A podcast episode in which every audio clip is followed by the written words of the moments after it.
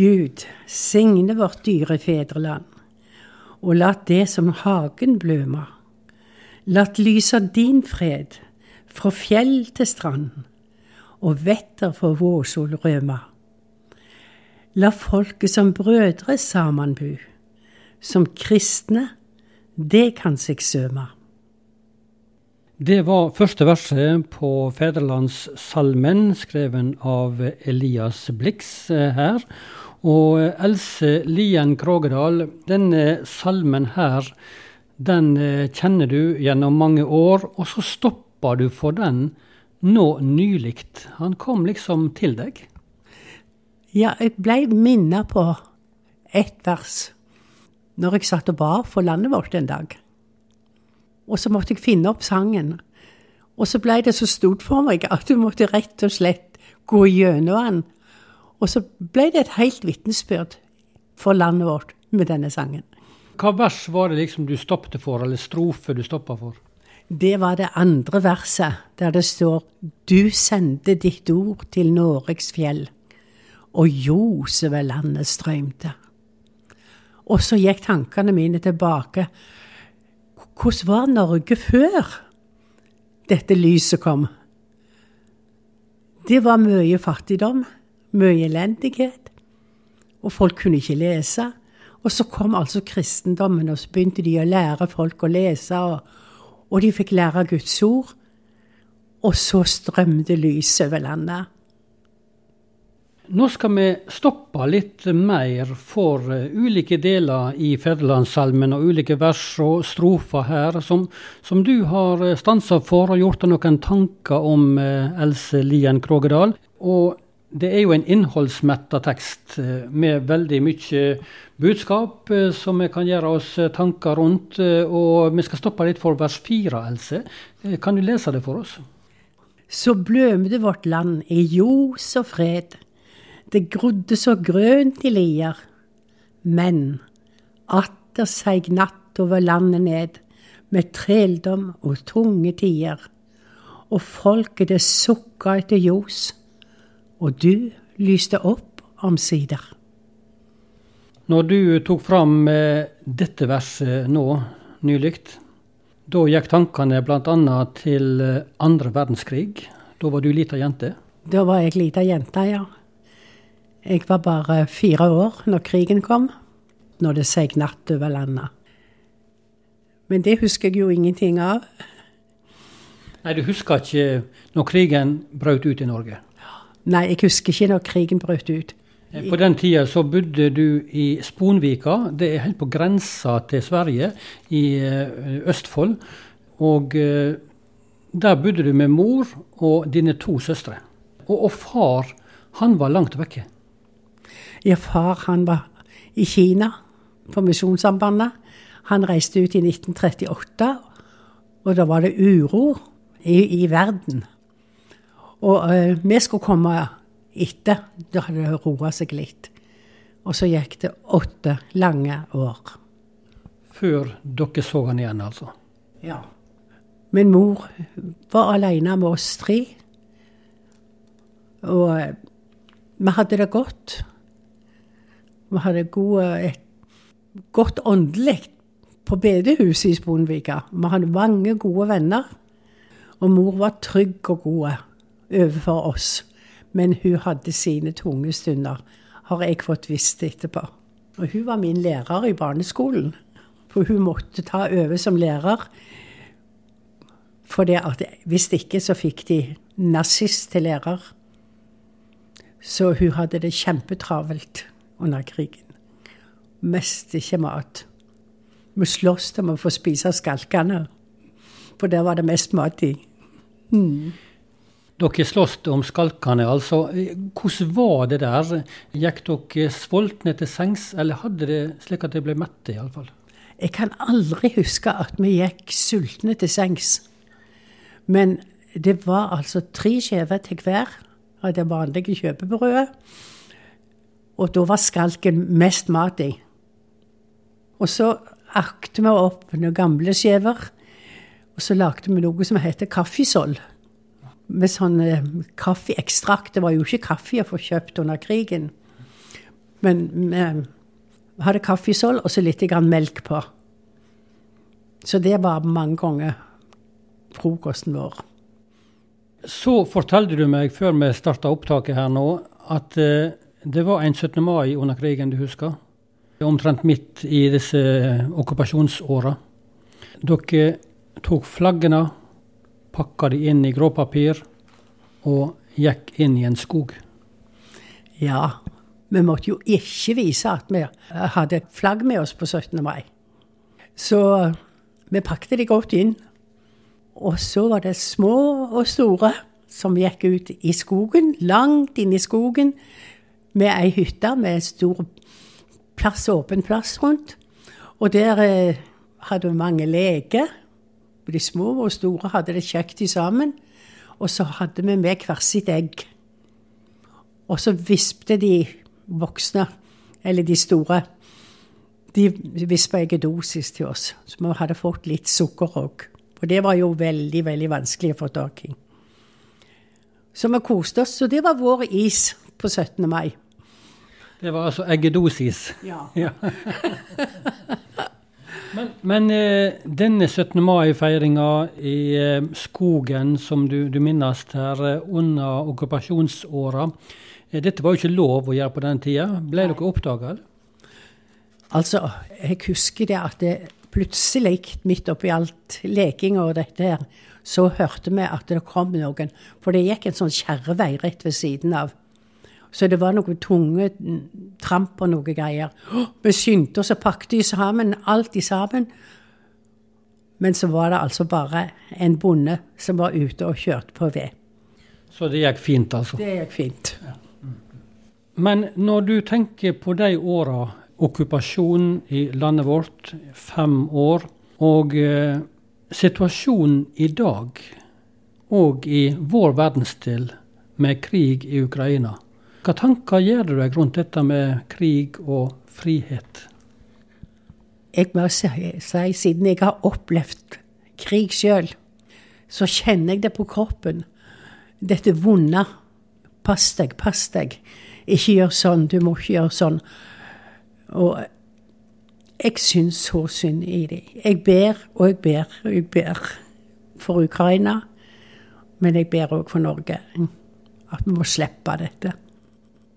Og denne siste linja i vers fire i Fedrelandssalmen, eh, Else Lien Krogdal, det er òg ei linje som, som du stanser litt for nå? Ja, og folket, det sukka etter ljos. Og du lyste opp omsider. Og det fikk jeg oppleve. Da i 1945. Ja. Og det skal vi snakke mer om når vi nå går over på vers 5 i Fedrelandssalmen av Elias Blix. Det begynner med 'Morgonen rann', og jeg tror du skal ta og lese det vers 5 for oss. Og morgonen rann, og mørket kvarv, som lenge vår lukker skygde.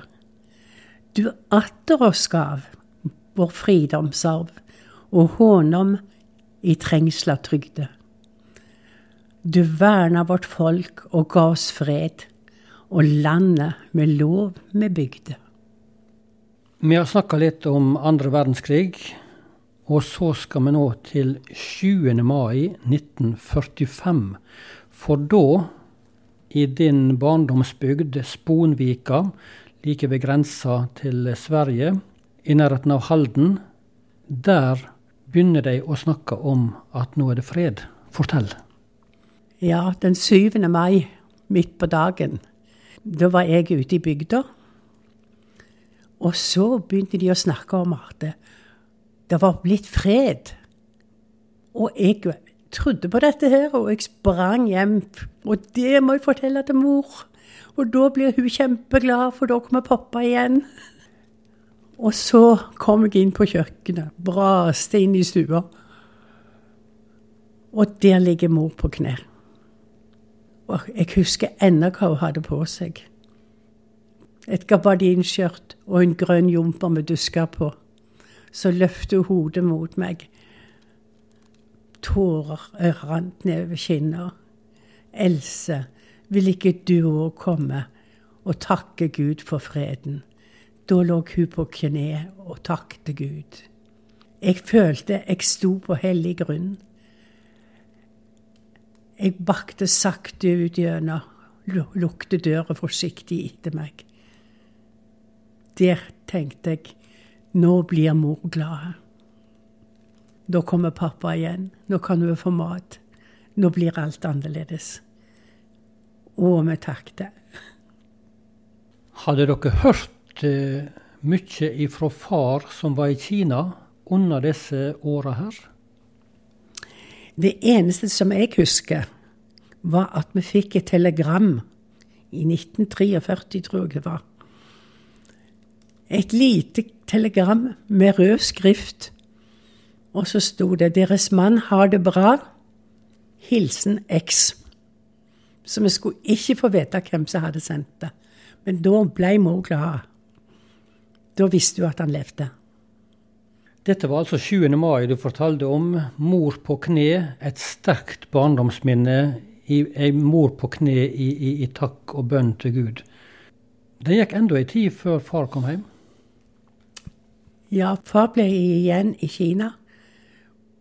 Mange av de som hadde barn av misjonærene, de ble evakuert over til India. Men de var elleve stykker som var igjen av misjonærene for å lappe over til nye misjonærer kunne komme ut.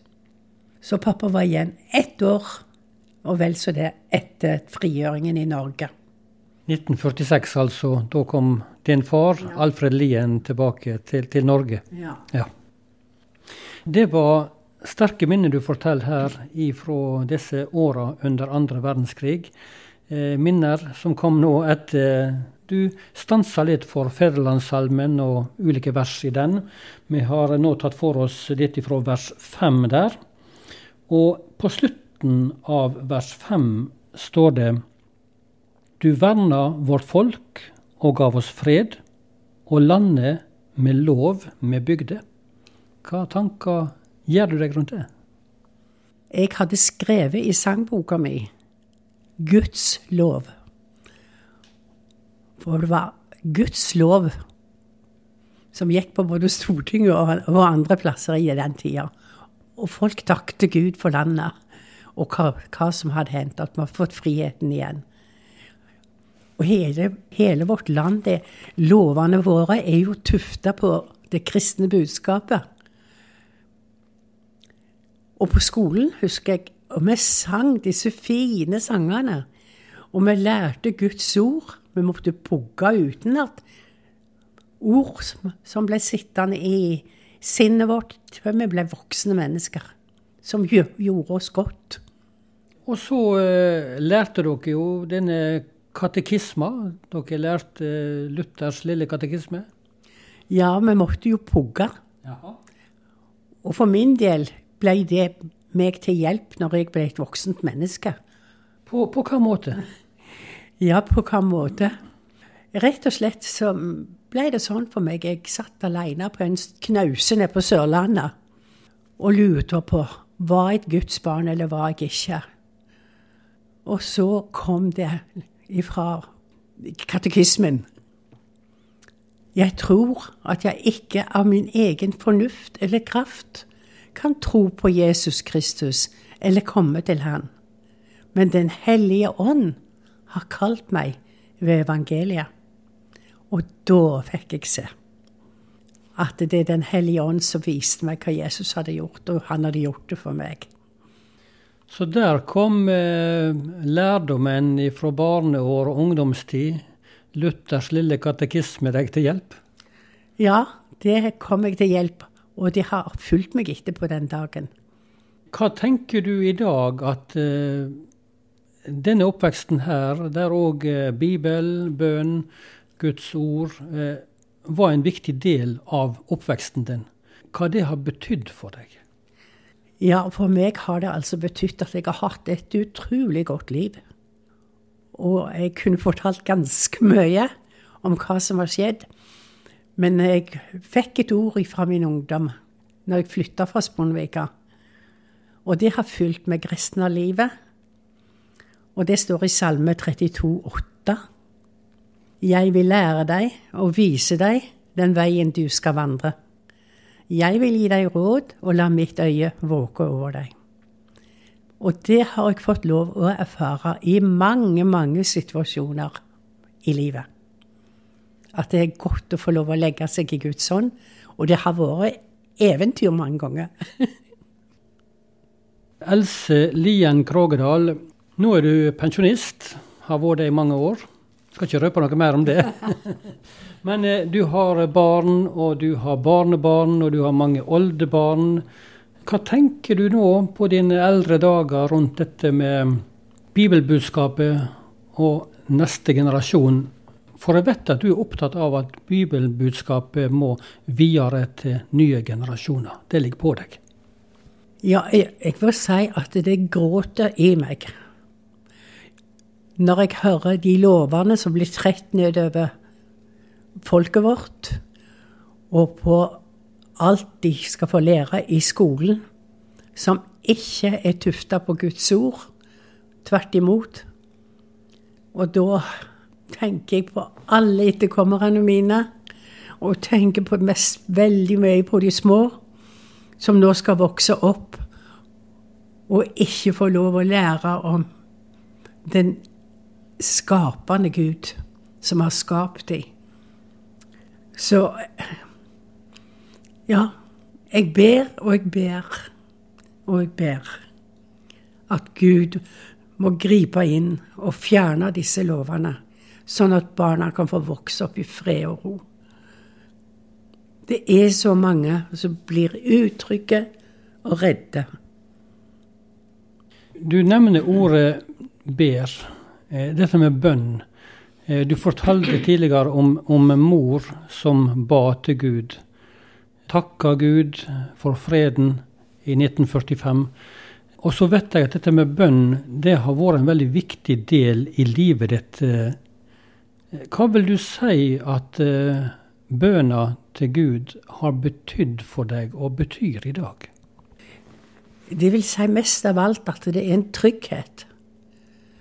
At uh, når ting møter meg, at jeg kan få lov å gå til Gud med det og legge det i hans hånd. Og så får jeg fred. Og så hvis Gud da møter meg med et ord fra Bibelen som går rett inn i min situasjon, så takker jeg for det. Og så får jeg fred i sinnet. Og det å få lov å leve dette livet sammen med Gud, så er det utrolig spennende. Selv om jeg er så gammel som jeg er nå. Du ber, ja, Hva ber du om? Ja, jeg ber veldig mye for landet vårt. Det tror jeg, og barna våre, og barnebarn og oldebarn. Men det ligger på mitt hjerte mange ganger på dagen. Må jeg innom Gud og si må signe Norge. At ljos kunne strømme en gang til over Norges land. Hva tenker du og tror du, Else, det betyr at, eh, at folk ber til Gud for land og folk og situasjonen i andre land og rundt om i verden. Hva betyr eh, bønna for det? Jeg tror at det betyr ganske mye. For hvis ingen hadde bedt, hvordan hadde det sett ut i, i verden? Men Gud har bedt oss at vi skal be for land og folk, og spesielt for den kommende generasjonen. Vil Gud ikke være bygningsmann, med forfekt på huset bygja, vil Gud ikke verja by og land, kan vaktmann oss ikke trygge. Så vakta oss Gud, så vi kan bu i heimen med fred og hygge. Sånn er det. Det står jo òg eh, masse om dette med bønn i Bibelen, bl.a. et vers eh, som du har i andre krønikebok, eh, kapittel 7. Ja, det har blitt veldig alvorlig for meg. Og skal jeg lese fra vers 14. Hvis da dette folket, som mitt navn er nevnt over, ydmyker seg og ber, søker meg og vender seg bort fra sine vonde veier, skal jeg høre dem fra himmelen, tilgi dem syndene og lege landet.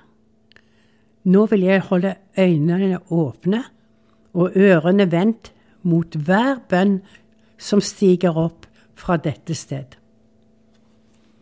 Det betyr at eh, vi er velkommen til å komme til Gud. Ja, han venter på oss. Og han venter på Norges land. Så dette at vi ber for landet, det tror jeg er en velsignelse for oss som land.